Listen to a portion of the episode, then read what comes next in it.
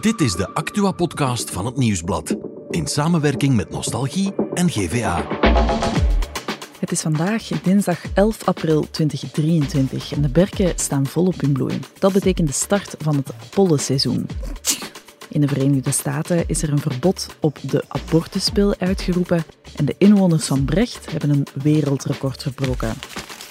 Maar met onze insider van vandaag hebben we het over Dante van Zijr, want die wordt beschuldigd van racisme.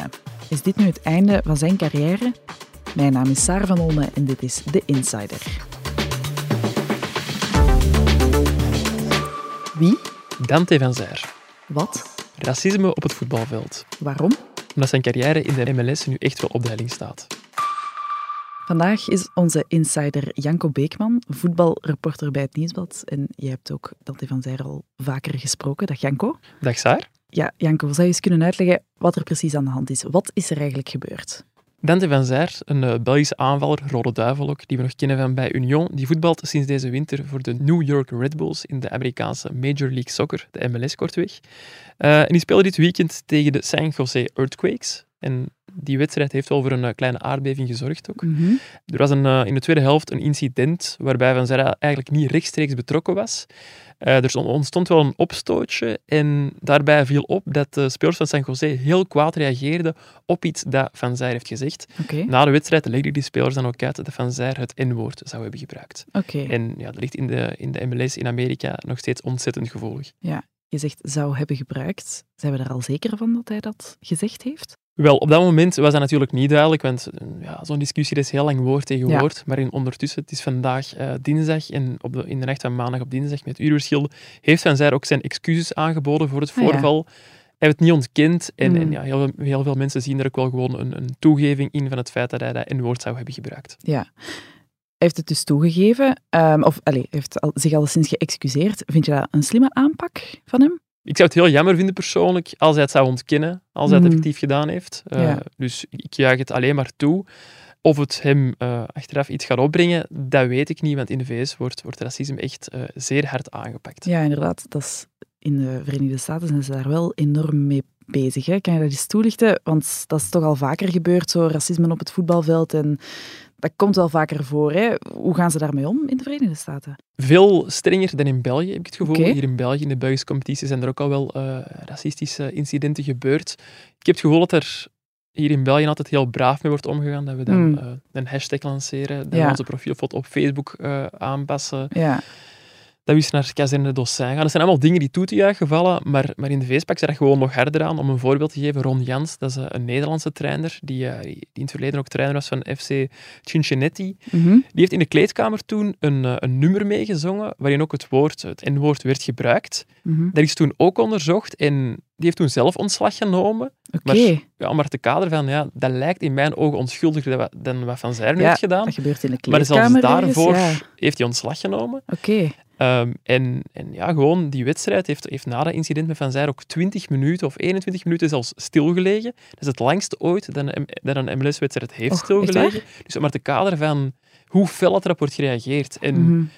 we kunnen dat streng vinden, maar ik vind, dat, ik vind wel dat dat toe te juichen valt, omdat dat mij wel de manier lijkt om die dingen te veranderen. Ja, want je zegt nu, zijn carrière staat in de Verenigde Staten op een helling. Hoe denk je dat dat gaat lopen? Is, is zijn carrière over of is dat, is dat wat streng geformuleerd? Ja, ik vind het moeilijk te voorspellen. Um, Hmm. Omdat er, er zijn in het verleden nogal uh, racistische incidenten geweest in de MLS. En die zijn toen elk op, op een andere manier aangepakt. Er is een voorbeeld van een speler die, die, die wel effectief ontslagen is bij zijn club, Oké. contract ontbonden is. Er zijn voorbeelden van spelers die gewoon geschorst zijn.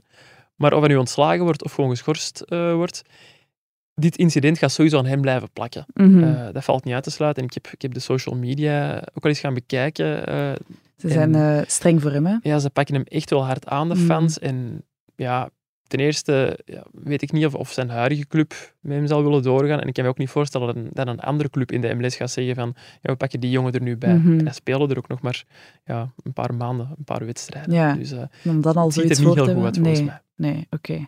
Um, nu, je hebt hem al vaker gesproken, Dante van Zijr. Hoe denk je dat hij daarmee omgaat. Wat voor iemand is dat eigenlijk? Ja, ik ken Dante vrij goed. Ik heb hem al een paar keer geïnterviewd. Ik heb hem vannacht ook een, uh, een berichtje gestuurd, mm -hmm. gisteren eigenlijk, uh, ja, om, om, een reactie te vragen voor onze krant, want die is natuurlijk iets wat ons ook wel bezighoudt. Ja. Uh, hij heeft er niet op gereageerd, wat ik wel begrijp, want ja. er zal heel veel op hem afkomen op dit moment. Dante is, ja, ik ken hem die als een heel rustige jongen. Ik kan me helemaal niet voorstellen dat hij um, ja, het N-woord heeft gezegd met heel, heel slechte bedoeling. Het is natuurlijk Ja. wel dom, dat kunnen we wel zeggen. Ja. Maar om, om het een beetje te schetsen, hij is bijvoorbeeld ook al ehm, te gast geweest bij, bij Coolcast. Ja. Dat is eh, ook een, eh, een podcast met een paar eh, gekleurde jongens. Een heel multiculturele podcast, diverse podcast. En ja, je ziet gewoon in, in de vriendenkring van Dante zitten ook heel veel gekleurde gasten en zo. Dus ik kan me niet voorstellen dat hij van inborst racistisch is. Daar ben ik Mhm. zelfs zeker van dat hij van inborst niet racistisch is. Eh, ik denk gewoon dat hij ja, de impact van, van zijn woorden een beetje heeft onderschat. En, en Mhm. ja, zeker in een land als, eh, als de Verenigde Staten. Dat is ook wat dat iedereen veel- daar zegt. Ja, Van, als er zoiets gebeurt, is het bijna altijd met een buitenlander. Omdat die gewoon onderschatten hoe gevoelig dat racisme hier nog ligt. ja, ja. ja. En eh, ja, dat is nu nog maar eens gebleken. ja. Hoe denk je dat het op hem overkomt, dit allemaal? Want dat is toch een hele storm hè, dat hij over zich heen krijgt. Ja, hij heeft wel al wat meegemaakt. Hij heeft bijvoorbeeld vorig jaar in de titelstrijd met Union ook een penalty gemist. Hij heeft toen ook een rode Ah, kaart ja, gekregen voor, eh, voor een elleboogstoot. Dat zijn ook allemaal eh, heftige dingen. Maar ik denk dat dit nog helemaal iets anders is. Eh, Mhm. ja, de reacties zijn hard en Mhm. zijn vooral ook massaal. Ja. Het is ja, ook gewoon een nog groter land.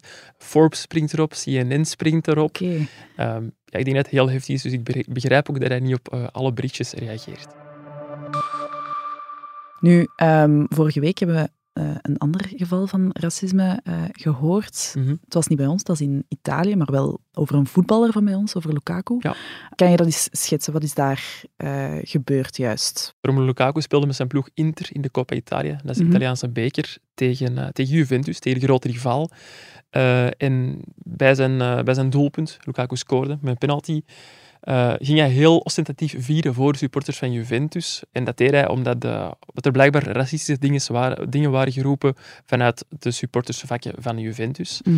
Dat Lukaku daarop eh, reageert, valt zeer goed te begrijpen. Ja, Alleen heeft de scheidsrechter hem voor zijn viering, omdat hij ja, uitdagend leek, ook nog eens een gele kaart gegeven. Zijn tweede gele kaart, waardoor Lukaku ook nog rood kreeg. Dus Lukaku werd racistisch aangepakt, maar is zelf gestraft. ja Dat is een, eh, ja, een heel dubbele situatie. zeker. En vooral, het is voor Lukaku lang niet de eerste keer Nee, dat al in vaker meegemaakt. Hè? zo is aangepakt. Oerwoudgeluiden die uit, Mhm. het, eh, uit het publiek kwamen. Hoe heeft hij er vroeger op gereageerd? Anders? Of? Nee, Lukaku is iemand die altijd wel reageert op het Mhm. veld en ook de- na de wedstrijden op sociale media. Mhm.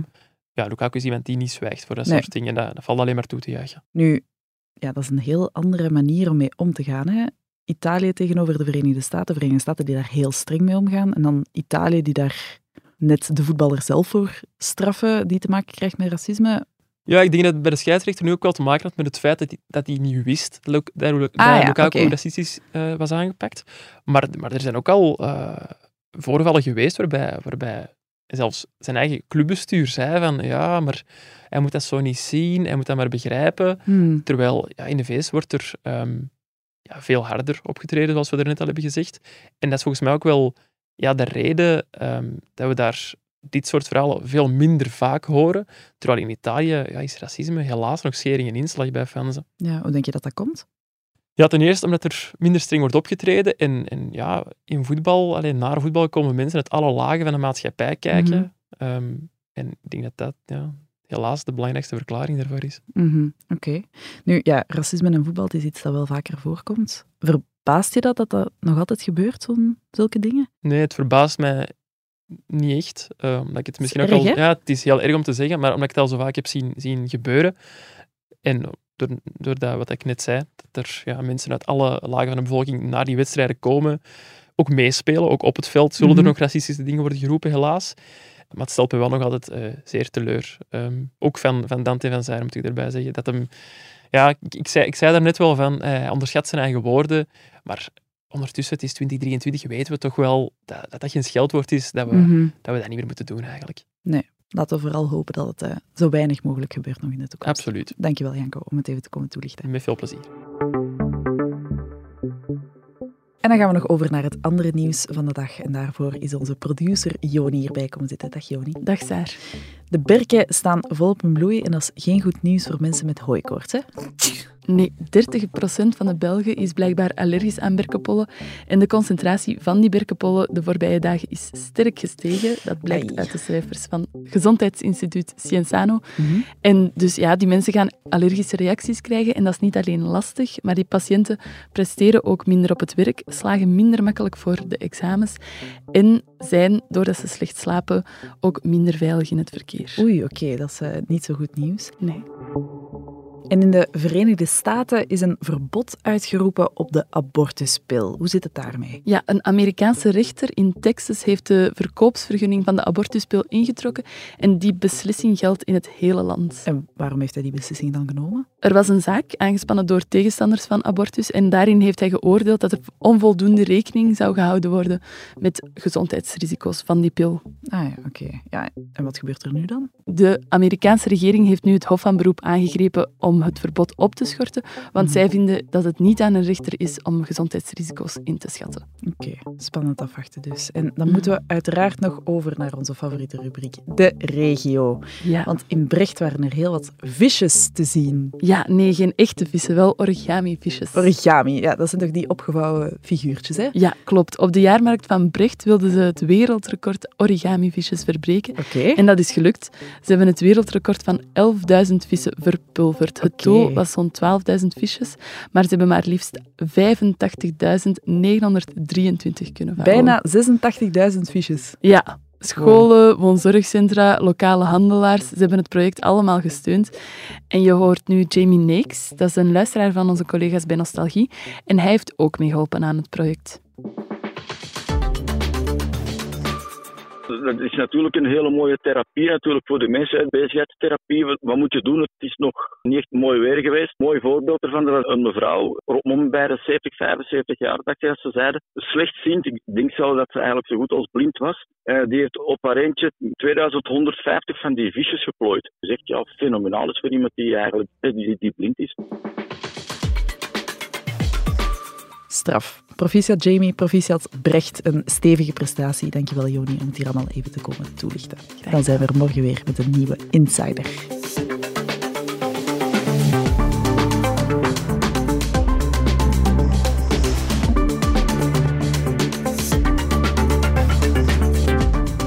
Dit was The Insider, een podcast van het Nieuwsblad in samenwerking met Nostalgie en GVA.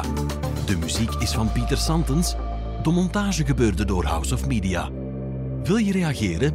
Mail naar podcast.nieuwsblad.be.